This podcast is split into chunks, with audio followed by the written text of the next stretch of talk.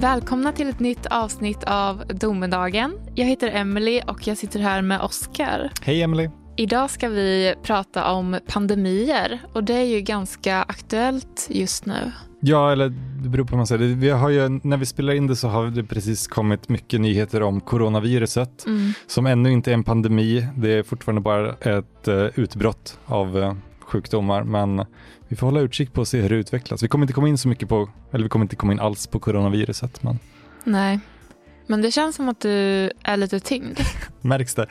Ja, eh, ja, jag har ju suttit och läst på om sjukdomsutbrott och pandemier under ett tag nu och sen så alldeles nyligen så kom nyheten om ett nytt virus som sprids. Mm. Så jag har ju lite, lite ångest över det just nu, men jag ska försöka hålla energin uppe under avsnittet. Jag känner att jag är lite mer lyckligt ovetande eftersom det är du som bär på all kunskap nu. Men det är bra, vi får se hur du mår efteråt. Då kör vi igång. Ja, men vi kör igång. Pandemier.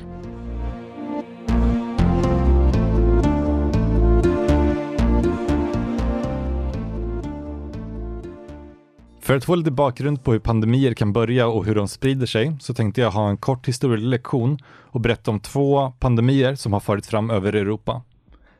I mitten av 1300-talet så spreds digerdöden och det var en pestpandemi som bestod av tre olika typer av pest. Det var böldpest, blodpest och lungpest som då tillsammans kallades eh, digerdöden. Men oavsett vilka symptom man hade så var dödligheten väldigt hög. Det finns inga exakta siffror på dödsantalet eftersom det var så länge sedan. Men man räknar med att mellan 30 och 60 procent av Europas befolkning dog under den här eh, pandemin. Och om vi istället hoppar fram 600 år så hittar vi en annan pandemi som slog hårt i Europa. Den kallades spanska sjukan och det var ett influensavirus som bröt ut 1918. I sin bok Pandemi så skriver infektionsläkaren Björn Olsen om utbrottet. Han berättade då att det började som en vanlig influensa och att det var väldigt många som insjuknade. Men de flesta tillfrisknade snabbt och det sågs inte som ett allvarligt hot då. Ända fram tills att viruset plötsligt blev mer aggressivt och började skörda liv över flera kontinenter. Och till skillnad från vanliga influensavirus som kommer och går och mest påverkar gamla eller barn eller de som redan är sjuka så slog spanska sjukan hårdast mot de som var unga och friska.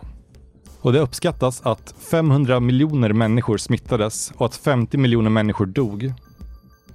Det kan jämföras med första världskriget som skedde samtidigt som sjukdomen slog ut.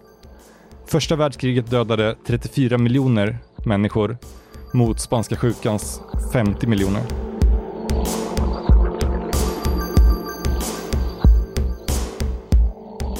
Finns de här sjukdomarna idag? Pesten finns i vissa fall, men man eh, kan behandla den bättre. Spanska sjukan var ett influensavirus och influensan finns ju fortfarande kvar, men den eh, liksom finns i olika Olika ol- former? olika former ja. Precis. Ja. Så de flesta pandemier eller stora liksom, epidemier verkar vara influensavirus som har fått någon ny, ny form. Mm. Jag kommer ihåg fågelinfluensan. Mm. Svininfluensan kanske också. Ja, just det. Jag har typ så svårt att ta de här på allvar för att det blev så stora larm om dem att så här, ja, ni måste vaccinera er och typ det här är skitfarligt. Mm. Och sen, alltså jag kände aldrig att de kom i närheten eller jag, det har alltid varit på så långt avstånd så jag typ, jag vet inte, jag tror inte på dem längre. Eller jag tänker bara så här, ja okej. När det är så här, nu är det dags att vaccinera sig för en ny influensa eller något sånt där. Ja, precis. Men vi har väl väldigt tur i Sverige att vi, att vi har haft inte så många insjuknade eller dödsfall. Så, så det har inte spridit sig i Sverige. Det har inte varit några sådana Nej. dödliga utbrott. När det kanske är en lite privilegierad sak att säga, typ att nej, jag tror inte på det här. Just för att det är så här, ja men det, det stoppas väl kanske för att folk vaccinerar sig. Precis, och eh, det har inte varit något, sånt, något lika stort som spanska sjukan sedan sen liksom 1918-19 då den slog fram. Liksom. Nej, för då kan man tänka sig att det kanske inte fanns vaccin. Jag vet faktiskt inte exakt hur man eh, bekämpar den. Så, så som jag förstått det så är det att den efter ett tag så slutar den liksom vara verksam. Många kanske byggde upp en immunitet mot det efter att ha, ha fått smittan, ungefär så som ett vaccin fungerar. Att man får en liten bit av viruset och sen så Mm. lär sig kroppen att stå emot det.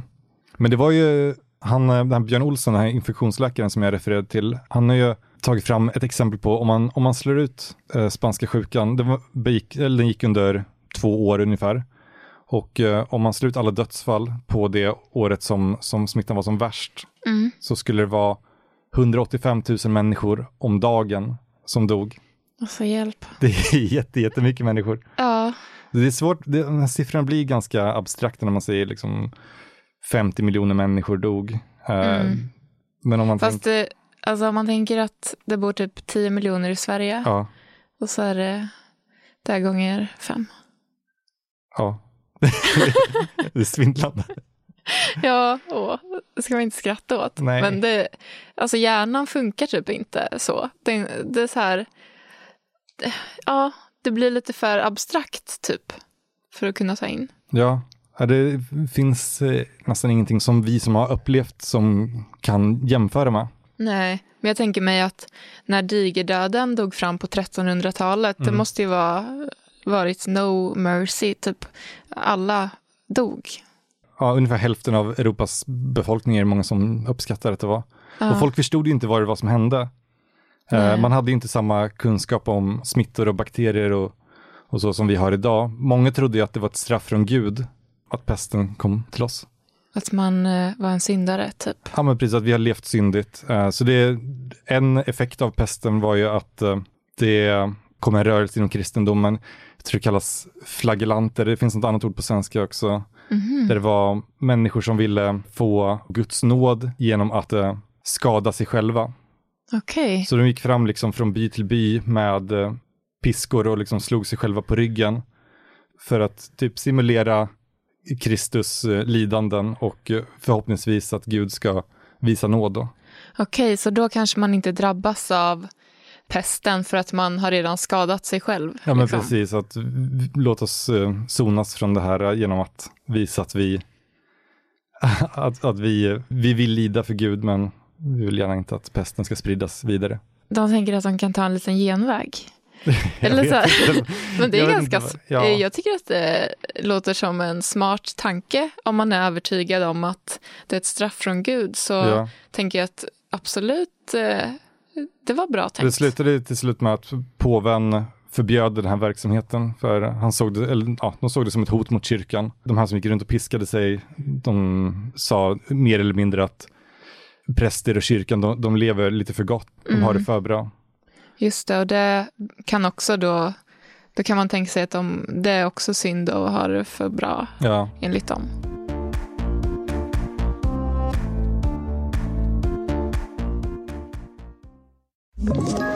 Ett poddtips från Podplay. I fallen jag aldrig glömmer djupdyker Hasse Aro i arbetet bakom några av Sveriges mest uppseendeväckande brottsutredningar. Går vi in med hemlig telefonavlyssning och, och då upplever vi att vi får en total förändring av hans beteende. Vad är det som händer nu? Vem är det som läcker? Och så säger han att jag är kriminell, jag har varit kriminell i hela mitt liv men att mörda ett barn, där går min gräns. Nya säsongen av Fallen jag aldrig glömmer på Podplay.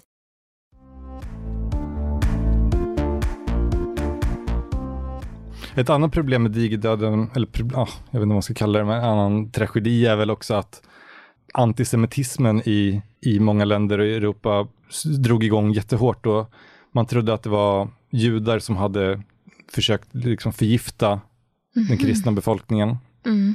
Eh, så det var ju många liksom, massaker och förföljelser och sånt av, av judiska samhällen. Åh, vad hemskt.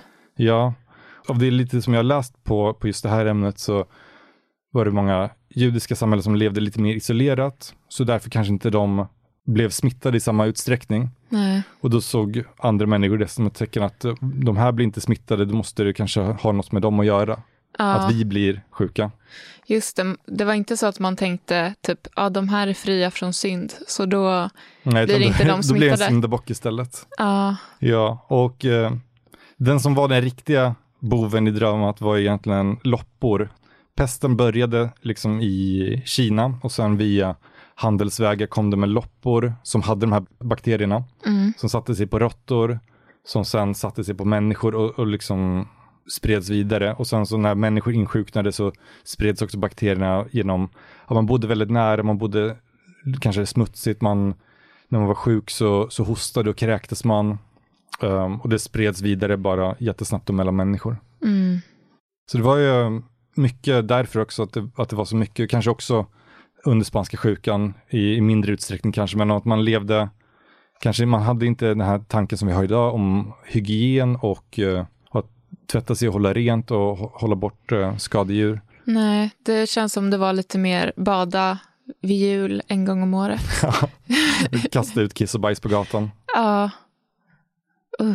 Ja, så idag lever vi ju kanske lite renare och sånt. Däremot så lever vi ju trängre, vi har, vi har liksom städer där vi bor mer, fler människor nära på varandra. Vi reser enklare och oftare. Mm. Um, så... så man skulle kunna tänka sig att på ett sätt så har virus och sånt väldigt lätt att sprida sig då med tanke på hur vi far omkring. Precis, det är lättare för dem att spridas under en, äh, eller på en stor yta. Men däremot är vi mycket, mycket bättre på att bekämpa det och hålla det borta. Så pandemier är enkelt förklarat ett sjukdomsutbrott som sprider sig över stora delar av världen och drabbar en stor mängd människor. I sin bok så beskriver Björn Olsen hur alla historiens dödliga pandemier orsakats av mikroorganismer som på ett eller annat sätt överförts från djur till människor. Bakterier och virus överförs från djur till människa på flera olika sätt.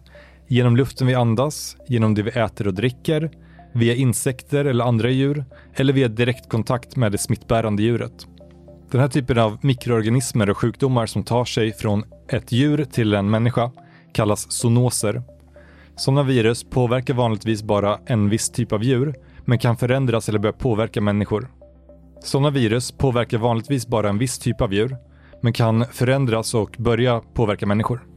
Antingen genom att viruset muterar och då får förmågan att börja smitta människor, eller att gener från ett djurs virus och en människas virus kombineras och en ny typ av virus uppstår. Enligt Världshälsoorganisationen så är en ny influensapandemi ofrånkomlig och idag är vi inte tillräckligt förberedda för att möta en ny och dödlig influensa.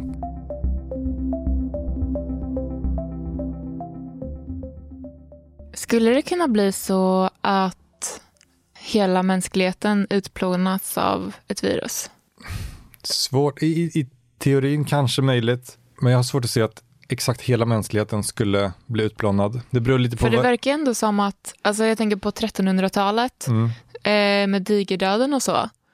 Om den ändå stoppades då, okej okay, 50 procent av jordens befolkning dog men alla dog ju inte liksom och det fanns ju inga botemedel kan jag inte tänka mig. Precis, men det, det skulle kunna kanske komma någon sjukdom som vi eh, har väldigt svårt att utveckla immunitet emot, som mm. kanske dödar väldigt många. Men jag tänker också att det kanske är många människor som kan lyckas ta sig någonstans där sjukdomen inte kommer att tillräckligt många oinfekterade människor Just det, att man är liksom på en isolerad, alltså en plats som, där det inte kommer in några smittade människor eller typ djur. Precis, om det är så att det skulle komma en, en pandemi så det bästa sättet att klara sig från det är att liksom ta sig till en ö tillsammans med andra friska människor och sen rida ut tills, tills viruset äh, dör eller slutar utvecklas.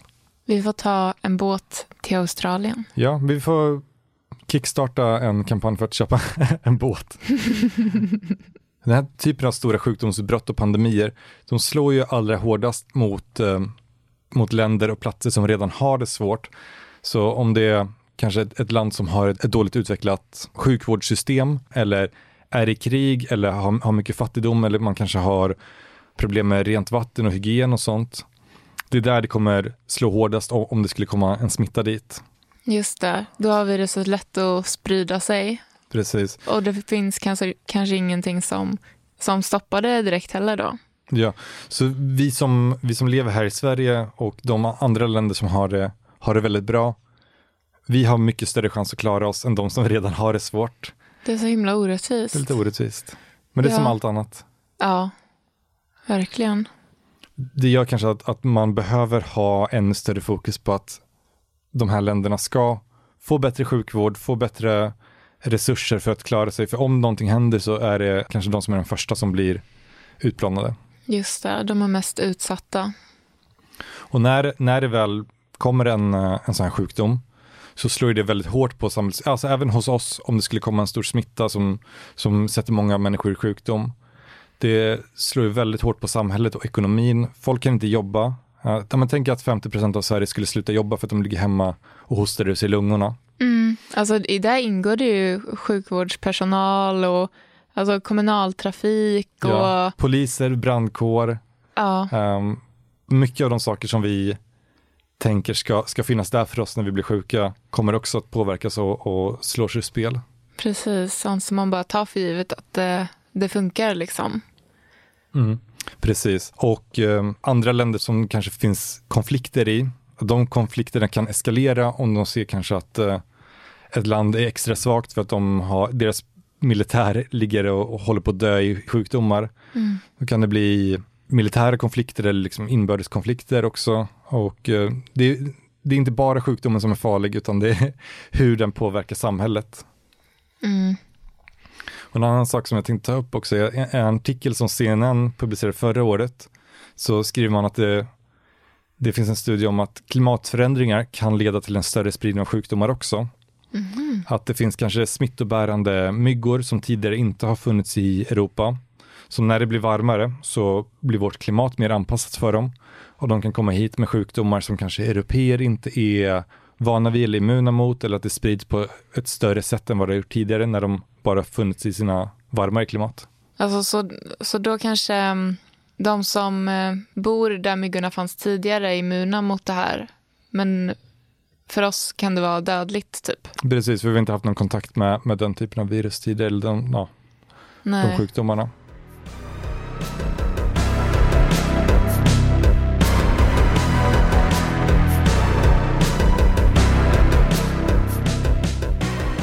Jag tänker så här, alltså det känns som det varit mycket prat om så här, läkare kan inte ge ut antibiotika hur som helst för att det finns en stor risk att eh, man blir, att virus och sånt eller sjukdomar blir resistenta mm. mot antibiotika. Det är också ett, ett jättestort problem och, och många som jag läst nu när jag har liksom läst på om det här, de kallar ju antibiotikaresistens för en pandemi i sig.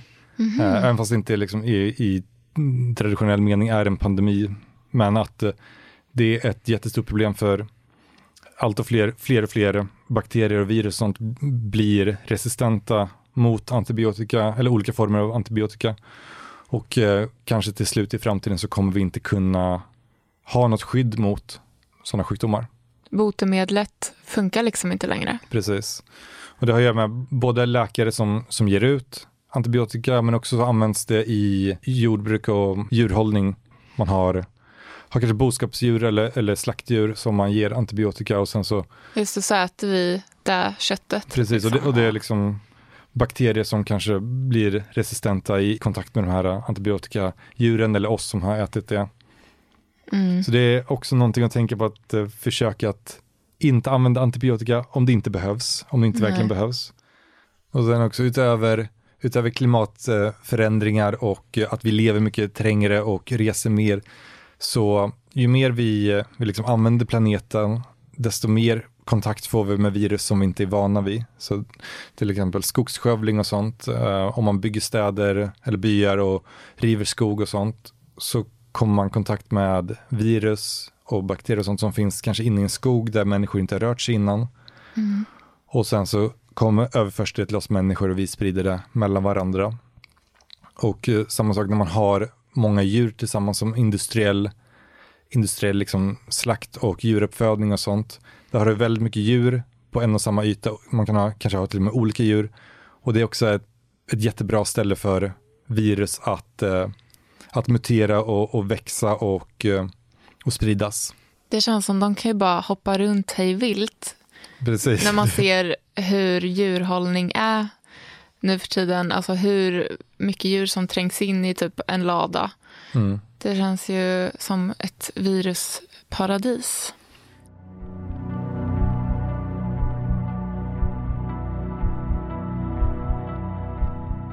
Med teknologisk utveckling så finns både möjligheter och risker. Bioteknik kan låta oss ändra vår biologiska uppbyggnad och utöka vår förståelse för världen men det finns också en oro att man kan komma att skapa en ny pandemi, en ny smitta eller förstärka en utdöd eller existerande sjukdom. I en artikel från Vox skriver de två doktoranderna Chris Bakerly och R. Daniel Bressier om problemet. Samma teknik som hjälper till att skydda oss och bekämpa naturliga pandemier skulle kunna användas för att skapa patogener som vi saknar skydd mot eller som kan övervinna de skydd som vi redan har utvecklat. Och tekniken som behövs för detta blir allt mer avancerad men också mer tillgänglig. Det krävs bara en liten grupp människor med rätt resurser och rätt kunskap för att orsaka en smitta som gör enorm skada. Eller så är det så att välmenande biologer råkar göra ett misstag och släpper ut ett smittoämne som vi inte kan skydda oss mot. Forskaren Piers Millett, som länge arbetat med frågan om biologiska vapen, säger till The Future of Life Foundation att hemmagjorda smittor inte är en särskilt trolig orsak till en pandemi med tanke på vilka resurser och vilken kunskap som behövs. Däremot så säger han att det är mer troligt att en smitta skulle kunna släppas ut från ett laboratorium av misstag eller att en stat utvecklar en smitta för att kunna använda som biologisk krigsföring.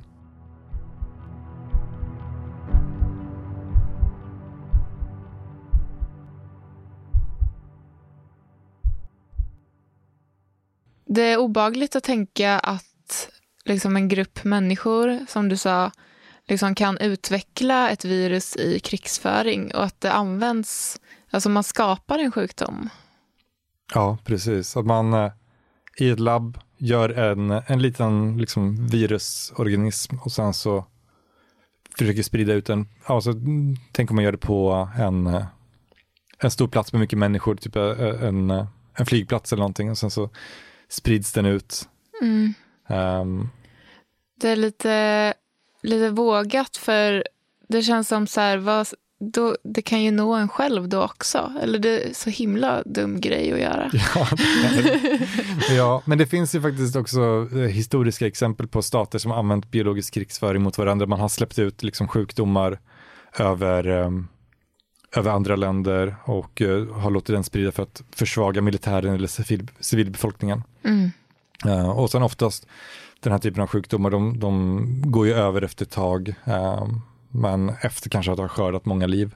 Så, så det finns ju ett historiskt precedent för det, länder som använder det för att försvaga fiendebefolkningen. Och sen så som sagt också, det kan ju vara att det sker av misstag, att det är kanske någon som försöker hitta ett eh, botemedel mot någonting eller så och så jobbar de med en eh, mikroorganism som är väldigt farlig om den skulle komma ut.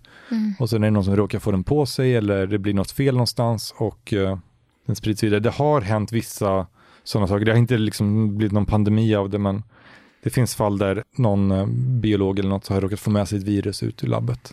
Spindelmannen. Spindelmannen är ett jättebra exempel.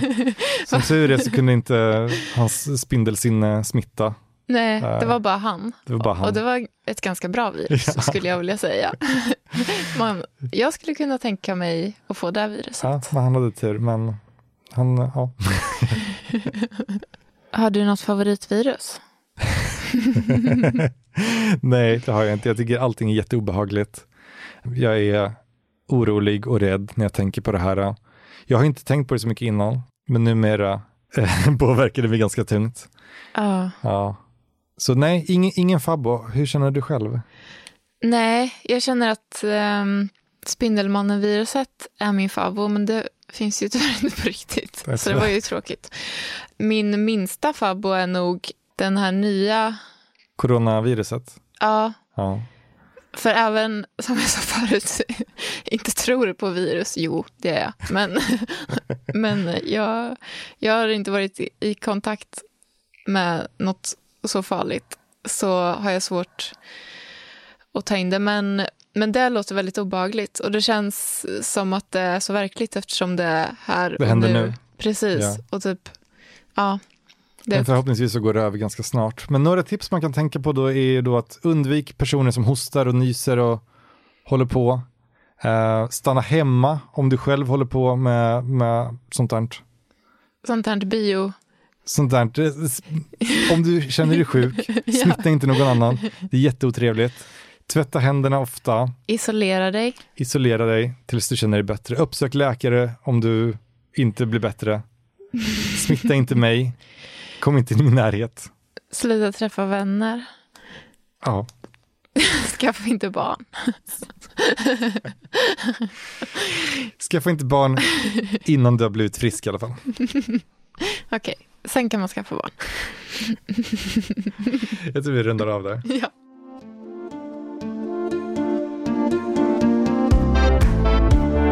Tack så jättemycket för att ni har lyssnat på veckans avsnitt av Domedagen. Ja, tack så mycket. Vi hörs igen nästa vecka. Krya på er.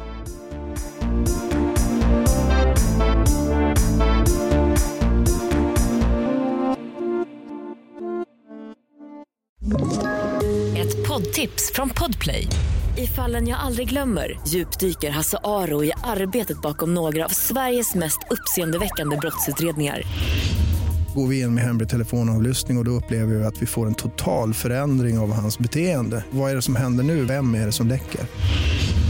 Och så säger han att jag är kriminell, jag har varit kriminell i hela mitt liv men att mörda ett barn, där går min gräns. Nya säsongen av Fallen jag aldrig glömmer på Podplay.